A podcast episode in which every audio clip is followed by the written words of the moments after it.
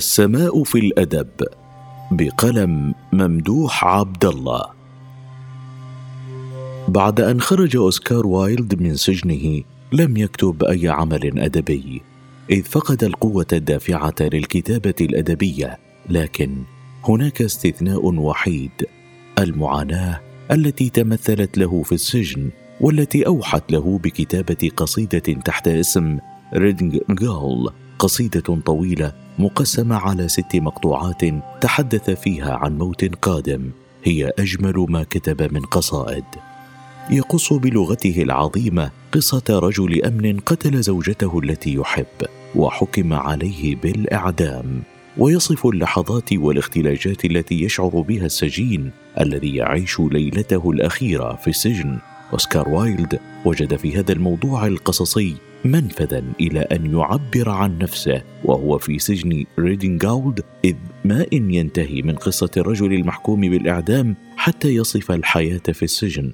المبنى الذي صنع من القهر والعذاب والزمن الذي يدور في تكرار أبدي مهلك. لكن هناك نغمة واحدة في القصيدة تتكرر في كل القصيدة.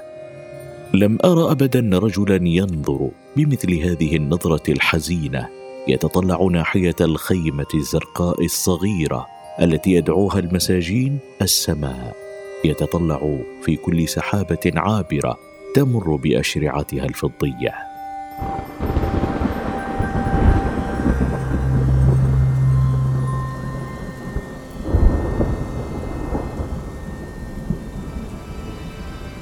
السجين في القصيدة حزين للغاية لكن ما الذي يجعله يتطلع إلى السماء بمثل هذه الصورة؟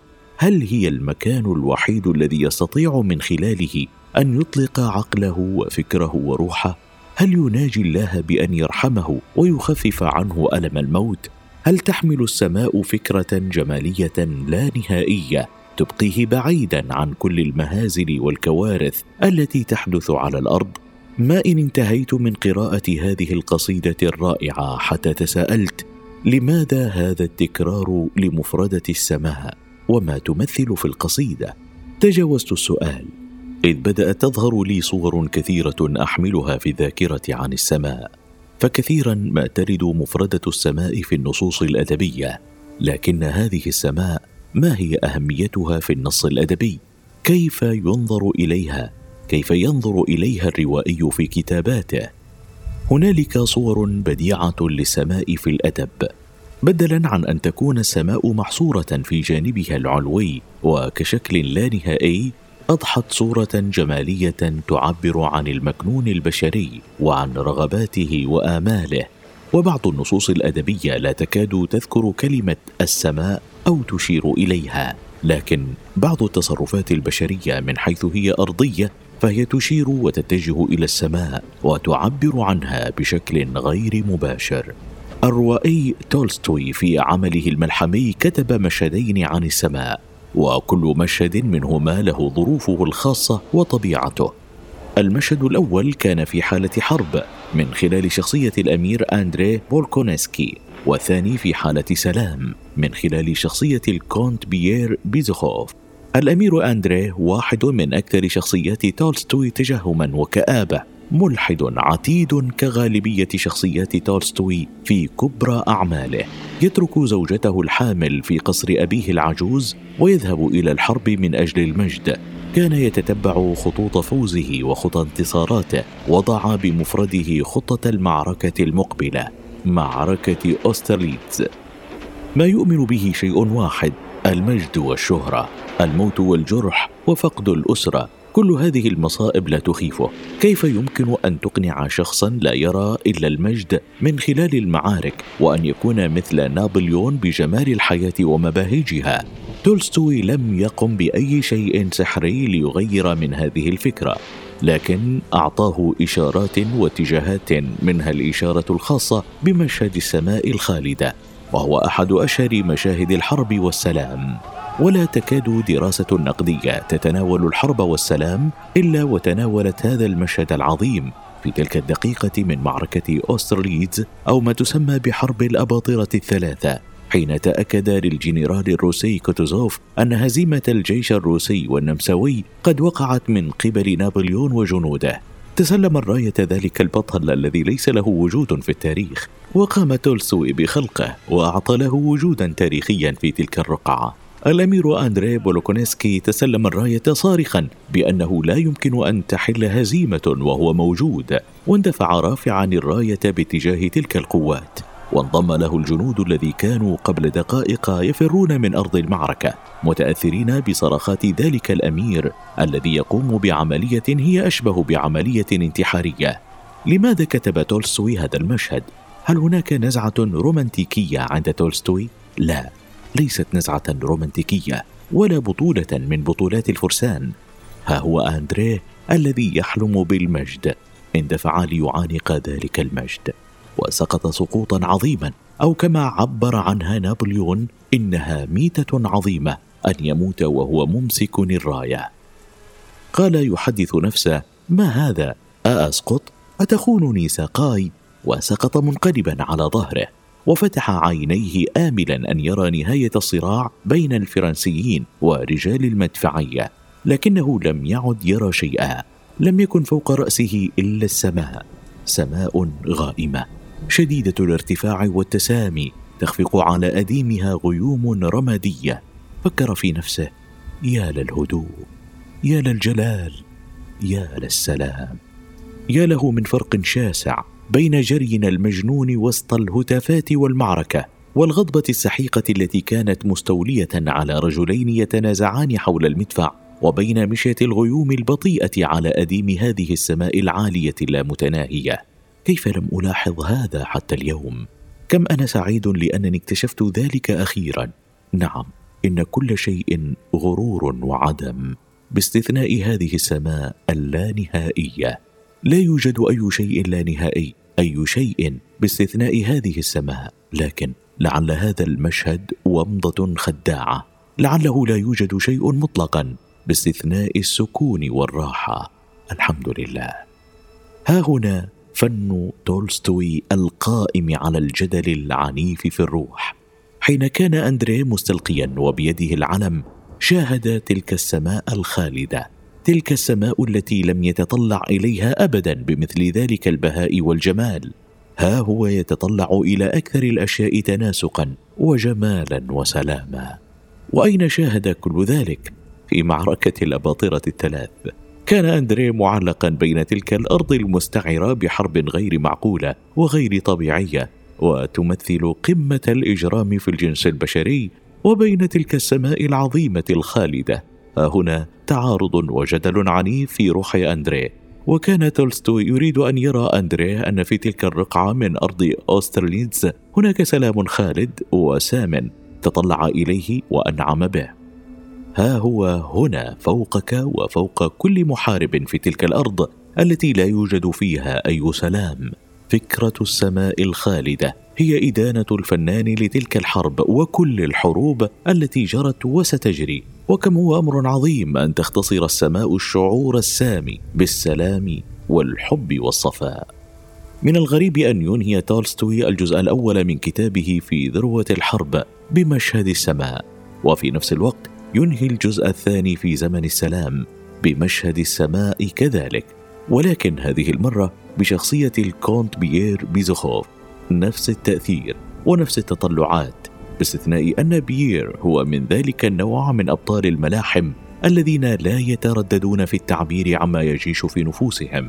لا يخجل من التعبير عن نفسه بالبكاء بعكس أندريه الكئيب. كان وقت صقيع جميل. والسماء الساكنه المزروعه بالنجوم تنبسط فوق الشوارع القذره نصف المعتمة وفوق السقوف المظلمة. ما كان غير تأمل هذا البهاء ينسي بيير دناءة الأشياء البشرية إذا قورنت بالسمو الذي بلغته روحه. وعندما وصل إلى ساحة آربات انحسر أمام عينيه فراغ كبير من القبة المنجمة. وفي كبد السماء فوق جادة بريتششتنيكي تماما وسط موكب من النجوم ظهر المذنب الكبير اللامع مذنب عام 1812 الذي زعموا أنه ينبئ بالأهوال الكثيرة بل وبانتهاء العالم. لكن تلك النجمة الهائلة المشعة لم توقظ في نفس بيير أي رعب بل على العكس راح يتأملها فرحا بعينيه المخضلتين بالدموع. بدت كأنها بعد أن قطعت مسافة يستحيل قياسها بسرعة لا حد لها حسب خط المجاز. انغرست فجأة في المكان الذي انتقته في تلك السماء المعتمة كما يغرز السهم في الأرض. وظلت هناك تنفش وتذبذب أضواء نورها الأبيض بين نجوم متألقة لا تحصى. فكان بيير يجد علاقة غامضة بين بهاء هذه الكواكب. كان بيير يجد علاقة غامضة بين بهاء هذا الكوكب وبعث روحه العطوفة المتفتحة لحياة جديدة.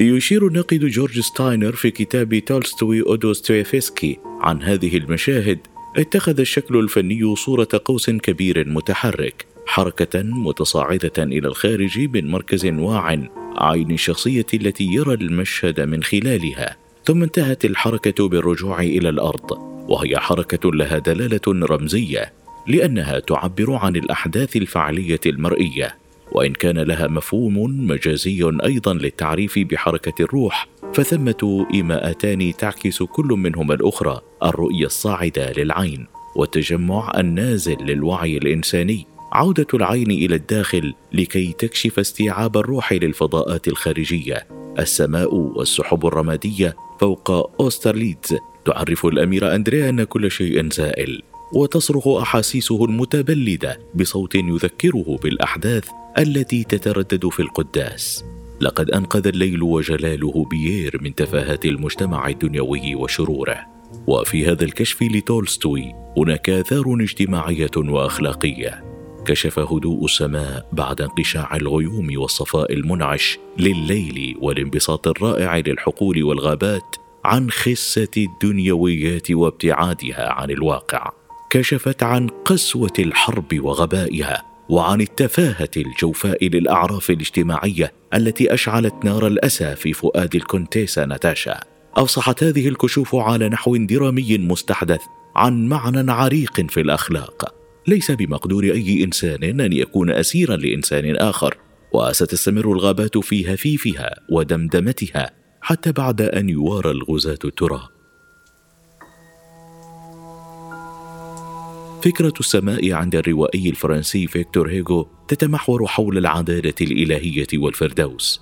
هيغو لا يشير إلى السماء مباشرة، لكن كل ما في النص الأدبي من أحداث يتجه مباشرة إلى السماء. لن أبتعد كثيرا عن نابليون، بل ويبدو أن نابليون ارتبط في التراث الأدبي الإنساني بمشاهد مع السماء. في معركة واترلو كل القياسات والخطط الحربية تبشر بنصر مدون لنابليون لكن حدث شيء ما غير من طبيعة أرض المعركة وجعلها صعبة على نابليون ذلك أن سحابة ممطرة هائلة في غير أوانها غطت أرض المعركة بضع قطرات فقط كانت كافية لأن تغير المعادلة. يطرح هيغو السؤال أكان من الممكن أن يكسب نابليون معركة واترلو؟ يجيب مباشرة كلا بسبب الله. آن للعدالة العليا النزيهة أن تتدبر الأمر. المبادئ والعناصر التي تقوم عليها الجاذبيات القياسية في النظام الأخلاقي وفي النظام المادي جميعا قد بدأت تتذمر. فالدماء التي يتصاعد منها البخار والمدافن المزدحمة بسكانها والأمهات السافحات الدمع كل أولئك محامون مخيفون حين تشكو الأرض ضيقا شديدا تسمعها السماء. لقد شكي نابليون إلى اللانهاية وكان سقوطه مقررا. إن معركة واترلو أكثر من سحابة إن فيها شهبا لقد مر الله من فوقها. في رواية الرجل الذي يضحك تكون السماء ذات حضور في الفصل الأول والفصل الأخير من العمل الأدبي لكن حضورها مرتبط بخاصية تتميز بها نصوص فيكتور هيغو الأدبية البحر. البحر كان شاهدا على جريمة كبرى وحاملا لشهادة هذه الجريمة لعقود استودعها البحر في أسراره وقذف بها إلى الأعالي. لقد حمل البحر الخطايا إلى الأسفل بقوة هائلة وقذف البحر النور إلى الأعلى. كان البحر مجرما وشاهدا وقاضيا وحاكما بصورة غامضة. جماعة من خاطفي الأطفال يتركون صبيا في جزيرة ويغادرون بسفينتهم إلى جهة غير معلومة. من جهة هناك الطفل وحيدا صغيرا في الظلام والبرد والجوع والوحدة والعاصفة ومن جهة أخرى هناك السفينة الصغيرة التي أشرعت شراعها للرياح. في جو كان يبدو عليه أنه هادئ وسيقود الركاب إلى بر الأمان. البحر هنا ليس سلطة اجتماعية يجب أن يقوم البطل بقهره وليس محاربا بحيث أن البطل يجب أن يغرس سيفه في عبابه. البحر هنا صورة جديدة معركة وقاعة محكمة. فصل الأوركة في البحر هو واحد من روائع النصوص الأدبية التي كتبت عن البحر بل هي أشبه بالملحمة ملحمة أبطالها أفراد قاموا بعمل خاطئ. تركوا طفلا لا حول له ولا قوة في جزيرة بتعليمات من شخصية أو شخصيات كبيرة. عمق هذا الفصل وبراعته كانت في الصورة والحركة. الطريق الذي يؤدي للنهاية الموت. غير أن المؤلف يستحضر اللانهايه هنا السماء التي تغطي المجرمين في عرض البحر. هنا يصرخ زعيم السفينة. ألا يزال هناك شيء يمكن إلقاؤه في البحر؟ لم يكن هناك شيء. كل ما تحمله السفينة قد ألقي في البحر حتى لا تغرق. لكن السفينة كانت تنوء تحت حمل ثقيل لم يتم إلقاؤه بعد. إنه شيء غير مرئي ثقيل للغاية. ما هو هذا الشيء الغير مرئي؟ الثقيل للغاية. الخطايا. لم يعد التفكير بالنجاة فالطريق سوف يفضي إلى الغرق غير أن هذا الغرق يجب ألا يحدث قبل أن تقذف الخطايا في البحر. الجريمة التي بدأت منذ مدة طويلة منذ عشر سنين وانتهت بإلقاء الطفل في الجزيرة. إن أي مخرج سينمائي مهما كان حجم المعدات التصويرية وبراعة أي كاتب سيناريو لن يصل إلى تلك الدقيقة البالغة الجمال من العاصفة البحرية حين تستوي جباه الخاطئين في السفينة مع سطح البحر. وما من شيء يدل على أثرهم إلا اليد التي كانت مرفوعة باتجاه السماء. في الفصل الأخير صورة أخرى للسماء مقترنة بالبحر. لكن السماء هذه المرة تمثل الفردوس. هيجو يطرح ما يشبه التساؤل في عناوين الفصول. هل يمكن أن تكون الجنة في الأرض؟ الجنة هنا تتمثل بكائن بشري بلغ مبلغا هائلا من الجمال والروعة. بوجود هذا الكائن في الأرض هل أصبحت الجنة أرضية؟ عنوان الفصل الأخير يجيب مباشرة لا. في الأعالي ذلك أن الفردوس حسب تصوره مهما كان تصوره ارضيا فلا يمكن أن يستمر. الجنة خالدة لا يمكن تصورها أرضية. بطل الرواية الرجل الذي يضحك يتجه إلى الأعلى إلى الفردوس إلى السماء. لكنها هنا أشبه بالمفارقة إذ أنه يصعد إلى الأعلى عن طريق النزول إلى الأسفل صوب البحر. في مجموعة عدي الحربش القصصية أمثولة الوردة والنطاسي هناك صورتان للسماء. الصورة الأولى في قصة اختفاء الحاكم بأمر الله. السماء في هذه القصة تتعرض للاهتزاز إذ تفقد صورتها المكانية في الأعلى. شخصية الرواية لا تعرف أين هي بالتحديد. هل تسير في طريق ليلي بين النجوم أو هي في عالم البرزخ؟ لا يعرف. كل ما هو محسوس أو مشاهد يضع الشخصية عالقة بين السماء والأرض. لكن السماء لا ترتبط بالشخصية بل بذكرى بعيدة. إذا كان المكان قد ابتلع شخصية الحاكم بأمر الله فلا مناص من ذكرى تعيد إلى الخليفة الفاطمي يقينه وماديته. فيتذكر قصة النبي يونس والحوت لكن البطل الذي سيكون في حوار مع السماء هو الحوت. الروائي العظيم هرمان ملفيل عندما كان موبي ديك كانت قصة النبي يونس مثالا رائعا وممتازا للغاية لنص أدبي يدور حول المحيط والحوت. لكن ملفيل يركز على النبي ذاته. في قصة عدي الحربش الحوت هو الشخصية المركزية. الحوت ككائن من مخلوقات الله العظيمة يسبح الله. لكنه لم يشعر بذلك التسبيح بمثل تلك القوة الهائلة عندما ابتلع يونس. ليس تسبيحا بل هو نداء توبة نبوي في أعماق الظلمات يطرق باب السماء. حين يلقي الحوت النبي التائب بأمر الله يفقد الحوت الصوت النبوي الذي كان يحمله بداخله يفتقد تسبيح النبي التائب. يشعر بحالة من الخواء. يقول المؤلف في رائعة أدبية واصفا حالة الخواء والفراغ في الحوت تخطر في ذهن الحوت هذه الخاطرة. لابد أن الله فوق السماوات يصعد الحوت إلى أعلى ويشق عباب الماء. ويقفز في الهواء باتجاه السماء والنجوم والليل إلا أنه لا يصل. يحس بالفقد يعذبه ويجلده فيسبح ويغوص إلى القاع طلبا لمزيد من التسبيح إلا أنه لا يلقى.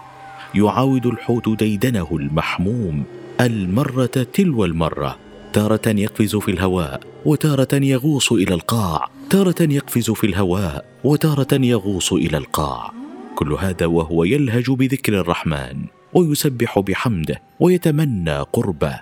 يختلط الوضع على الحوت وينسى نفسه وتتشابه عليه النجوم السماوية مع الحصى في قاع المحيط.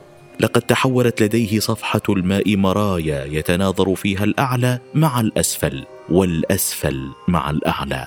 فلا يدري أهو يسبح في المحيط ويقفز في الهواء أم يسبح في الهواء ويقفز في المحيط. عندها فقط يفهم الحوت أن المكان والاتجاه ليسا مهمين. إنه لن يقترب مزيدا من الله بقفزه إلى السماء أو بإصغائه إلى دواب البحر. المهم هو أن يسبح بنفسه أن يسبح باستمرار أن يحمل فكرة الله دون انقطاع عوضا عن حمله لنبيه. هذا ما سيقربه إلى الله وإلى السماء وإلى الجنة. الصورة الثانية. هي في قصة الأفكار الأخيرة التي دارت في رأس جيردانو برونو لكن هذه المرة السماء أكثر حضورا من أي قصة أخرى. في قصة عدي الحربش يقص المؤلف قصة الراهب والفيلسوف برونو الذي حكم عليه بالإعدام من قبل محاكم التفتيش الدينية في إيطاليا بتهمة الهرطقة. عدي الحربش يسير على نهج اوسكار وايلد إذ أنه يتساءل في بداية قصة. لماذا لا يكون هناك نوع من الانهيار والتوبة والتوسل لبعض المفكرين الذين حكم عليهم بالإعدام؟ تبدو وكأن هناك فكرة جمالية تطوقهم وتحميهم من براثن السقوط والخوف والفزع. في الليلة الأخيرة من السجن كان يتمنى بأن يكون سقف السجن مرصعا بالنجوم. ها هنا أجمل صورة مباشرة للسماء قد تقرأها في الأدب. يتذكر أول ليلة له في العراء. عندما ترك خلفه قرية نولا وغادرها قاصدا نابولي كي يصبح راهبا دومينيكيا. عندما أظله الليل استلقى على ظهره وأخذ يتأمل في قبة الفلك الواسعة فوقه. كانت ملايين النجمات تتألق في السماء تمتم في نفسه. لو أن للجمال صورة مطلقة لكانت هذه. لابد أن وجه الله يطل عليها ولا بد أن النور الذي تعكسه هو نوره. مضت على تلك الليلة خمس وثلاثون سنة وهو الآن محبوس في زنزانة مظلمة في روما ينتظر أن يحرق حيا أمام الملأ والسبب النجوم. للشاعر الإيرلندي ديلان توماس مرثية بديعة عن موت والده لا ترد مفردة السماء ولا يشير إليها مباشرة لكن السماء حية وشاهدة هنا من خلال الليل الذي بدأ يكتسح والنهار الذي على وشك الانطفاء. الشاعر يحرض أبيه على الثورة ضد الموت ألا ينطفئ ويدخل بكل هدوء في ذلك الليل عند تلاشي الضياء والنور. عليه أن يغضب. إياك أن ترحل وديعا. إبان ذاك الليل. الكهولة تحترق وتهذي في ختام اليوم. والويل الويل ضد قدوم الليل. رغم أن الحكماء يعلمون أن الظلمة حق إلا أن كلماتهم في النهاية لا تقدح الضوء وهكذا لا يمضون وديعا إبان الليل. رجال صالحون يرحلون مستغربين كيف تنور أفعالهم فوق الخليج الثر؟ والويل الويل ضد قدوم الليل.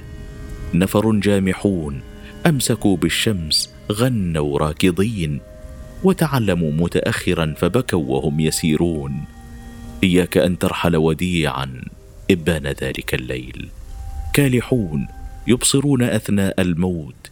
ينخطفون. تحترق عيونهم كالنيازك ثم تبرق بالشرور. والويل الويل ضد قدوم الليل. وأنت يا والدي هناك فوق الطود التعيس. باركني العني. أرجوك أتوسل إليك. إياك أن ترحل وديعا. إبان ذاك الليل. الويل الويل ضد قدوم الليل.